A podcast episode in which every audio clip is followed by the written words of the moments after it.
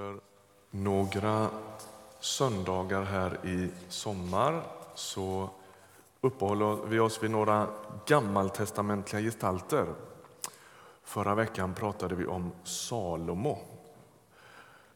En del av er var möjligen med då.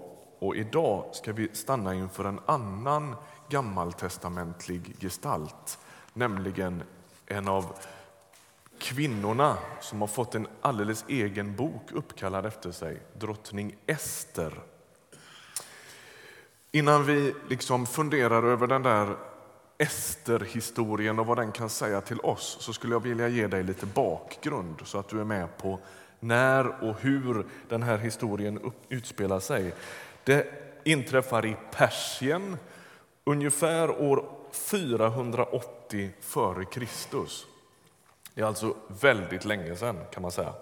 Israels folk har varit fångar i Babylonien som år 539 har fallit för det persiska riket. Och det persiska riket, om du tittar på en karta här, det var enormt. Det sträckte sig ifrån Medelhavet ända bort till norra Indien och ifrån Grekland och ända ner i Nordafrika. Det var ett jätterike. När perserna erövrade det här riket från babylonierna så frigavs en del tillfångatagna folk, exempelvis judarna. Och många återvände direkt till sitt land och andra blev kvar till strax efter den här historien. Den vi ska titta på idag, som handlar om Ester, utspelar sig alltså ungefär år 480 f.Kr. Och då finns Ester kvar i den här situationen. Eh, strax efter det så träder Nehemja och Esra in på scenen och då sker liksom återtåget. I Susa, i det persiska riket, så finns det en kung. Han är kung över det persiska riket och han heter Xerxes eller Ahasveros, det är samma person. Eh, och I den där palatset så ordnar han en fest det är inte vilken fest som helst, utan den varar i sex månader. Det är party i ett halvår och det är party i ordets inte alldeles mest städade bemärkelse. Man kan, man kan sammanfatta det med att det är fri sprit i sex månader. Allt går ut på att den här kung Xerxes han ska visa allt som han äger och så ska han imponera på alla gästerna. Och så till sist så ska han visa upp sin allra finaste ägodel. Det är så han ser på det, nämligen sin drottning Vasti. Problemet är att när det liksom drar ihop till det de har liksom laddat hyfsat länge. Det har varit party i sex månader och nu ska han visa upp Vasti. Då vägrar hon. Vilket inte är så konstigt om en samling Gubbar har partajat med fri sprit i sex månader och så ska de visa upp drottningen för det här gänget så är det inte så märkligt att hon säger nej, tack, jag tror inte att jag vill. Det är förutsättningarna. Problemet är att det är ingen som, det är ingen som nekar kungen det som han begär. Alltså hon gör sig skyldig till ett, ett, ett grovt brott. Så gör man bara inte. Hon blir självklart av med sin drottningtitel. Han blir fullständigt vansinnig. Och så ordnar han, kommer han på, vilket är ganska, liksom i stil med det här partiet som har varit i sex månader. Vi ordnar en skönhetstävling för att utse en ny drottning. Det är kungens plan. Och så deltar en massa flickor i den här skönhetstävlingen. En av dem är den judiska flickan Ester. Hon är uppväxt hos sin kusin som heter Mordokaj i den här staden Susa. Och hon går vidare i tävlingen och så ska hon så småningom föras fram inför kungen. Det som händer då, nu är de där sex månaderna över och så inleds liksom den här skönhetstävlingen. Det är att hon förbereds i tolv månader i en skönhetsbehandling som måste sakna motstycke. Det är sex månader med myrraoljor och det är sex månader med parfym och skönhetsmedel innan hon kommer inför kungen. De gjorde det ordentligt får man säga. Eller hur? Och så vinner Ester hela den här tävlingen och så blir hon det persiska rikets nya drottning. Hon blir hustru till världens mäktigaste man. Titta här får ni se.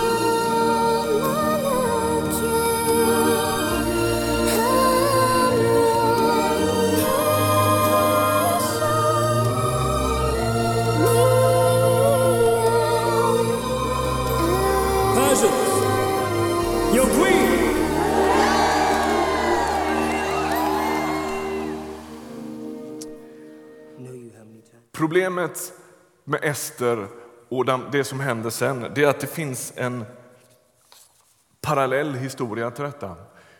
Ester har alltså en fosterfar som också är hennes kusin, som heter Mordokaj. En dag förolämpar han kungens närmaste man, som heter Haman. Alla ska böja sig för Haman, men Mordokaj han vägrar göra det. Haman bestämmer sig för att utrota alla judar i hela riket. Han manipulerar och han lurar kungen till att beordra ett folkmord på hela det judiska folket. Och Det som står på spel här det är alltså ett helt folk och det folk ur vilket Messias så småningom ska komma. Mordokaj, Esters styvpappa, han får reda på planerna och så inser han att det finns en enda person i hela det persiska riket som kan förhindra en katastrof. Och det är Ester. Han sänder bud till henne och så ber han henne att gå inför kungen. Och så svarar Ester, nej, nej det, det kan man inte göra. Det innebär döden att komma till kungen oanmäld eller oombedd. Jag tar inga sådana initiativ. Det går inte. Då sätter man sitt liv på spel. Och att dessutom sätta sig upp mot denne Haman, det är fullständigt livsfarligt. Jag gör inte det. Men Mordokaj, han ger sig inte. Utan han argumenterar med Ester i Esters bok. Och så, och så liksom kommer själva klimax i historien om Ester. När Mordokaj sätter allt på spel och säger Ester, kanske var det för en stund som denna som du blev drottning.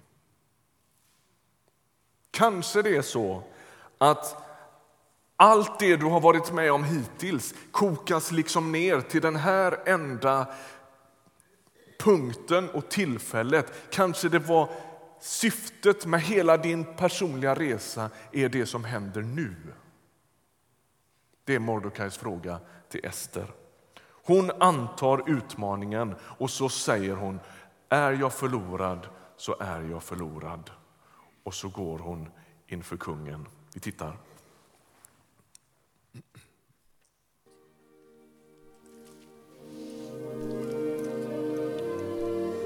How many evenings I spent counting the stars to keep my mind off.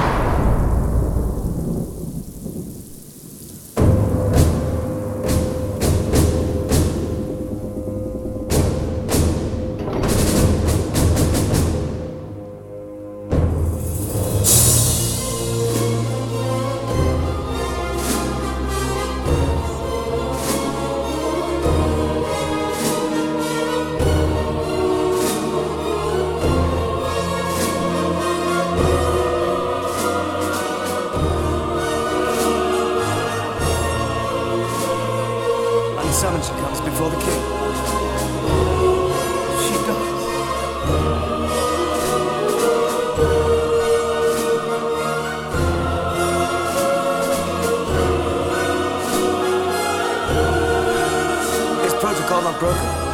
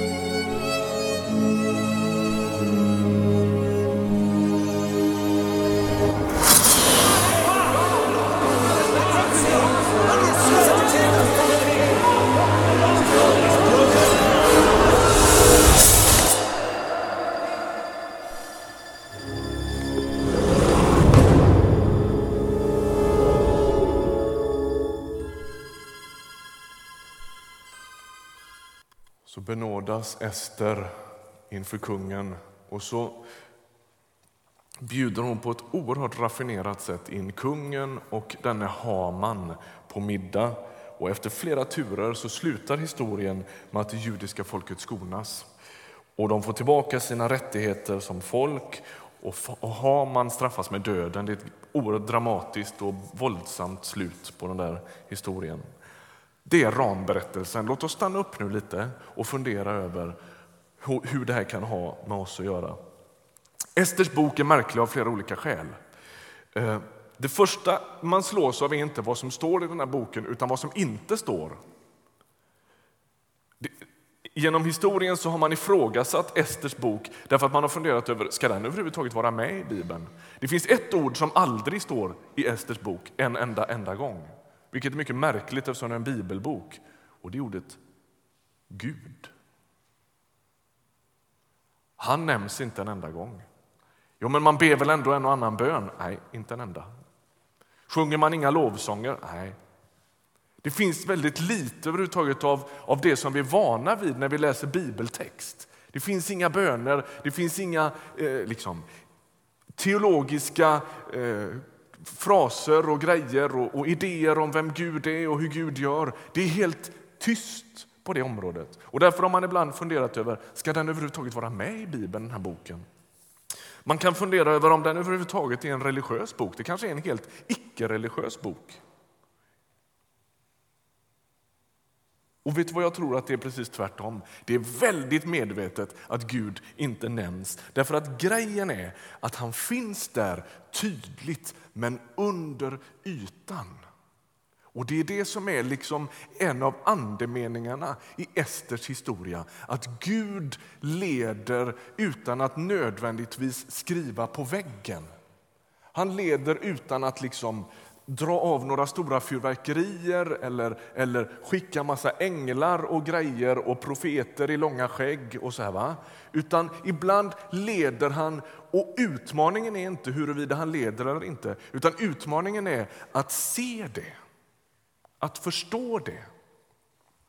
Det är Esters utmaning. Hon får inga profetier, hon får inga eldskrifter på väggen utan Guds ledning och hand över hennes liv anas mer än det skrivs med fetstil. Det är mer subtilt.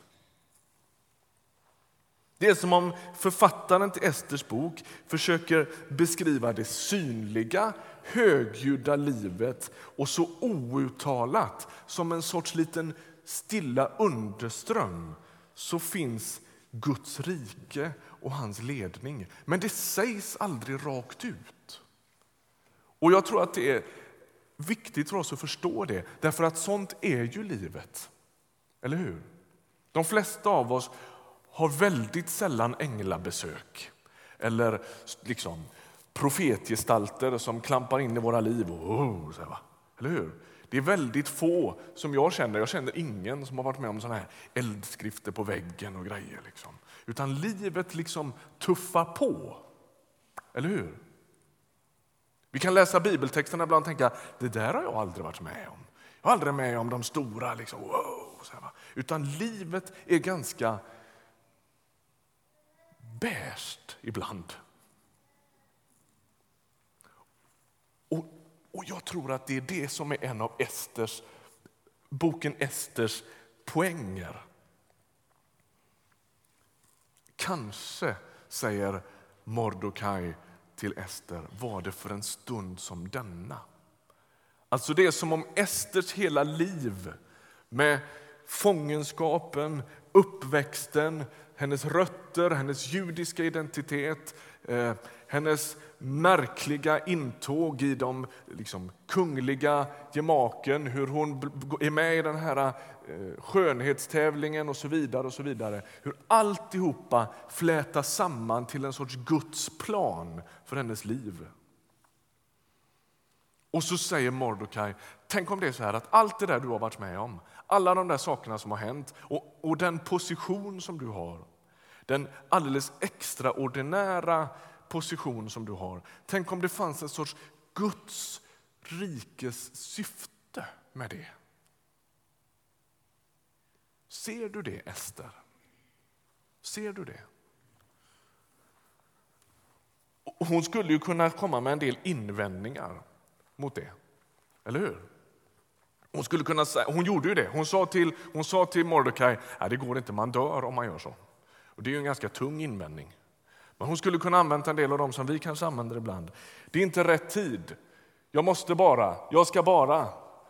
Ni vet, kommer ni ihåg Alfons Åberg? Jag ska bara, sa Alfons Åberg. Pappa han tjatar på honom. Kan du inte göra det? Jag ska bara. Och det händer liksom aldrig något. Jag ska bara. Och faktum är att ibland när Gud leder så svarar vi likadant. Mordecais budskap handlar om en stund som denna och vi tenderar att hela tiden tänka sen. När jag har gift mig, när jag har träffat min livskamrat eller när jag har gått min utbildning eller när jag har, eh, när, när jag har pengar eller när, när livet ordnar upp sig på ett annat sätt. Då när barnen har kommit, eller när barnen har flyttat ut eller när jag har utbildat mig avancerat på jobbet, då. Och så finns det en risk att det blir en flykt i det. En del lever hela sitt liv som Alfons Åberg. Ja, visst, jag gör gärna Guds vilja. Jag ska bara... Jag var på ett eh, missionsmöte för en massa år sedan när jag jobbade på en bibelskola. Och en en kille som ledde det där mötet han hade med sig just Alfons Åberg-kassetten på mötet. där. Eh, han hade småbarn vid den tiden och då lyssnade man på sånt där. Och så satte han upp den på talarstolen här och så satte han på den där och så var det sagan om Alfons Åberg som inledning till den här missionsgudstjänsten. Och så sa han, jag tror att det sitter en och annan här inne, sa han, som har burit på en missionskallelse. Och så har sagt, ja det vill jag, jag ska bara. Och så blir det liksom aldrig. Och efteråt kom en kille som heter Magnus och sa, det där är jag. och så blev det en ganska dramatisk livsresa för Magnus, hur han liksom sa upp sig från sitt jobb och blev, började leva bland missbrukare i en storstad och liksom, jobba med dem och leva för dem. Hur Alfons Åberg-historien liksom utmanar hans liv. Jag ska, men jag ska bara Ester skulle kunna ha sagt jag har inte det som krävs. Om man ska vara ärlig, vad kan en skönhetsdrottning bidra med? Förutom sitt vackra face. Har ni hört de här intervjuerna de alltid gör på Miss Universe? Det är otroligt obehagligt när de ska, när de ska berätta vad de vet om världen. Det kan sluta precis hur som helst. Ester är ju skönhetsdrottning. Helt plötsligt så finns hon med i storpolitiken. Hon skulle ju mycket väl kunna ha sagt, det är inte jag, jag kan inte det. Och det har Bibelns människor gjort genom alla tider. Skicka någon annan. Jag kan inte prata. Jag, kan inte, jag är för ung. Jag är för gammal. Jag är för trött. Jag är för konstig. Jag är för mycket. Jag är för lite. Och Gud verkar i sin nåd alltid haft en sorts förkärlek för att locka och pocka på människor som, som är antingen för mycket eller för lite, eller lite både och. Ester, tänk om det är för en tid som denna. Hon skulle mycket väl kunna ha sagt Mordecai, det är för mycket på spel. Det är för mycket på spel. Visst måste väl Gud unna mig all den här rikedomen och positionen? Han kan väl inte mena att nu när det äntligen har blivit mitt så ska jag äventyra det? det kan, så kan det väl inte vara? Gud unnar mig väl att ha det bra?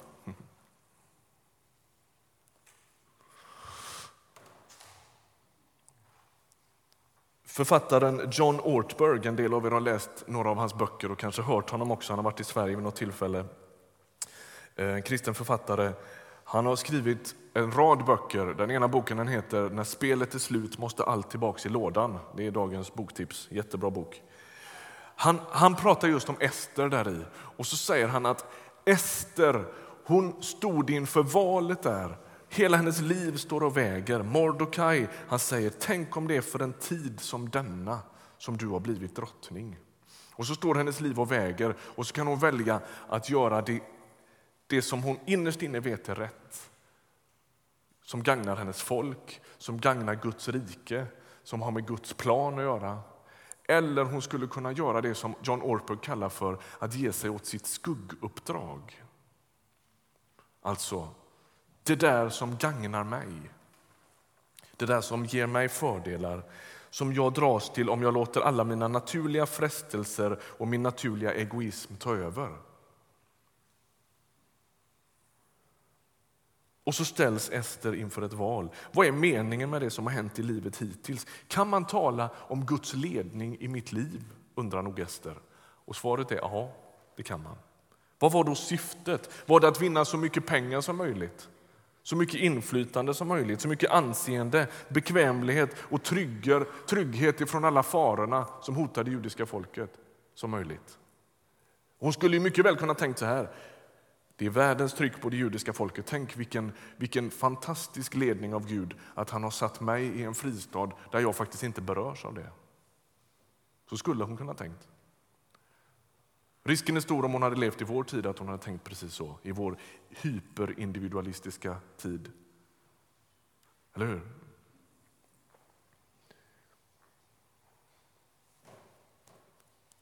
Och så ställer Mordecai allt på sin spets. Kanske var det för en stund som denna som du blev drottning. Ester, tänk om det är så att Guds ledning i ditt liv djupast sett handlar om något annat än en drottningkrona, årslånga skönhetsbehandlingar, palats och rikedom. Tänk om det finns något annat som du skulle behöva vara lite vaksam på. En sorts Gudsrikets underström i ditt liv. Det där som inte riktigt syns, det där som man inte kan ta på riktigt utan som man behöver vara lite varsam på. John Ortberg igen, han skriver så här. Ester hade inte tänkt bli drottning, men när hon väl satt på tronen var hon tvungen att välja mellan två saker. Ett skugguppdrag som skulle leda till trygghet, rikedom och makt eller det gudagivna uppdraget att rädda sitt folk. Och nu är frågan, vad betyder det här för vår tid och för oss som sitter här inne? Har kritikerna rätt? Skulle Esters bok lyftas ut? Har den ingenting att säga till trons människor? Jag tror att den har jättemycket att säga till trons människor. Underströmmen, det, det, det är lite subtila, det där som man behöver vara lite vaksam för att se, handlar om Guds rike. Hur Guds rike rör sig, vad Guds rike gör med en människa, vad en människa kan få betyda för Guds rike. Och om du kallar dig kristen, lyssna nu, om du kallar dig kristen, då är du inte först och främst svensk eller finne eller irakier eller australiensare. Då tillhör du ett nytt rike. Är du med? Jag vill leva, jag vill dö i Kristus. Skulle vi sjunga egentligen. Då, då har du bytt identitet. Då är du, då är du medborgare i ett nytt rike och det sannaste man kan säga om dig det är att du är ett Guds barn. Det sannaste man kan säga mig är inte att jag är från Göteborg, att jag håller på IFK och Frölunda och så. Att jag älskar att bada i havet. Alltså, mina, mina rötter, min historia, mitt liv, det är inte oviktigt. Det är inte, liksom, det är inte ingenting. Men det är inte den djupaste sanningen om mig. Den dagen som du och jag fann en levande tro på Jesus så blev tillhörigheten till honom vår djupaste identitet. När Ester står inför sitt livs stora vägval då måste hon fundera över vad är jag först och främst. Är jag en enkel människa, ledd av Gud, bevarad av Gud, liksom, omsluten av Gud med ett uppdrag från honom? Eller är jag en kung i det persiska världs, eller en drottning i det persiska världsriket med skönhetsbehandlingar och palats och guld och grejer? Vilken är min djupaste identitet? Vad är jag egentligen? Det är Esters djupaste fråga och det är faktiskt din och min djupaste fråga också. Vem är du egentligen? För oavsett om du är lärare, sjuksköterska, kassörska, snickare, arbetslös, studerande, barnlös eller fembarnsförälder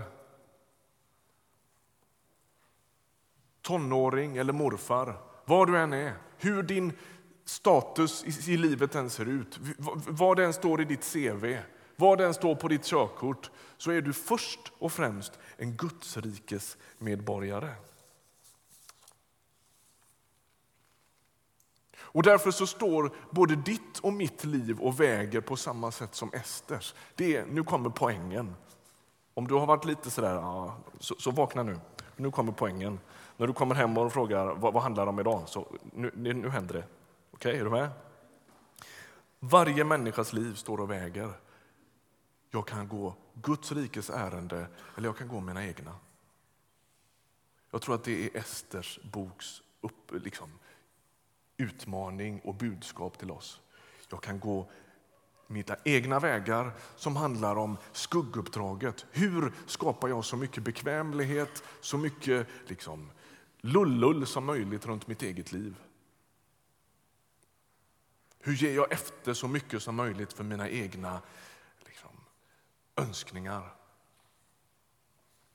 Eller jag kan gå den väg som luktar Guds rike, som handlar om, tänk om det är så här, att just för en tid som denna har du blivit lärare eller sjuksköterska eller student på universitetet. Just för en tid som denna så är du bland de människor du är bland i ditt, i ditt grannskap. Just för en tid som denna så finns du där du finns av ett djupt skäl, av ett djupt syfte för att Gud har en avsikt med ditt liv. För att ditt liv ska få sätta avtryck i människor. För att du ska få vara no, liksom, till, till andra människors välsignelse. För att du ska få betyda någonting. Och skugguppdraget som du måste vaka på hela tiden, det är det där som har med ditt eget att göra.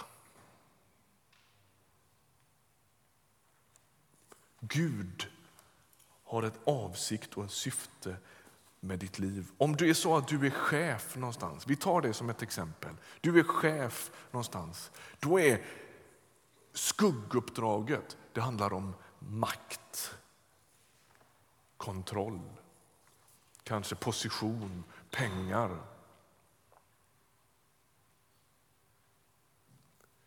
Gudsrikesuppdraget skulle kunna handla om att tjäna andra skulle kunna handla om att se andra människor. Jag har en god vän som är chef över ett antal anställda. Han säger så här, alltså någonstans skulle jag vilja att det märks på mitt chefskap att jag har med Jesus att göra. Och så har han ringt och läxat upp några så, eh, myndigheter som ville, som ville sätta åt en av hans anställda för att han inte sköter sig på olika sätt. Jag tar ansvar för det. Jag vill att han ska finnas i mitt företag. Jag vill att han ska jobba här. Ge honom en chans. Är du med? Det, det, det är Ester-uppdraget. Just för en tid som denna så är han chef där för att han har människor runt omkring sig som det svajar för. Och han kan välja, ska jag gå Estervägen eller ska jag gå Ska jag ge mig åt skugguppdraget som handlar om makt, och position, och pengar, och tjänstebilar och grejer? Och liksom. Är du med? Jag står inte här och säger att allt det där nödvändigtvis är, är fel. Jag säger vaka på det.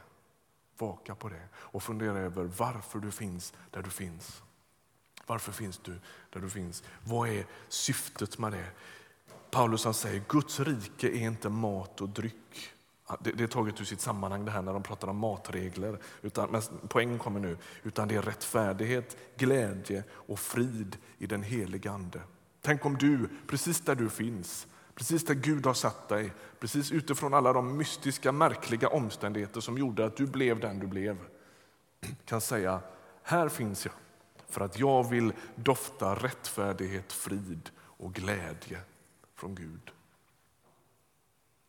Vaka på ditt skugguppdrag. Hör Mordokais ord när du ligger på stranden i eftermiddag och funderar över varför, varför, varför blev livet som det blev? Kanske för en tid som denna. Att jag skulle liksom våga lite extra för Guds rike. Att jag skulle ta ett steg framåt och inte ett steg bakåt. Att jag skulle sätta lite mer på spel och säga oh, men jag, jag skulle vilja berätta på mitt jobb att jag är en kristen. Jag skulle vilja inbjuda någon att vara med här. Jag skulle vilja stå för det som jag vet är rätt fast jag liksom brukar backa in i hörnet. Hoppas du hör Mordokajs ord, kanske för en tid som denna, att du skulle kliva fram. Att du skulle våga.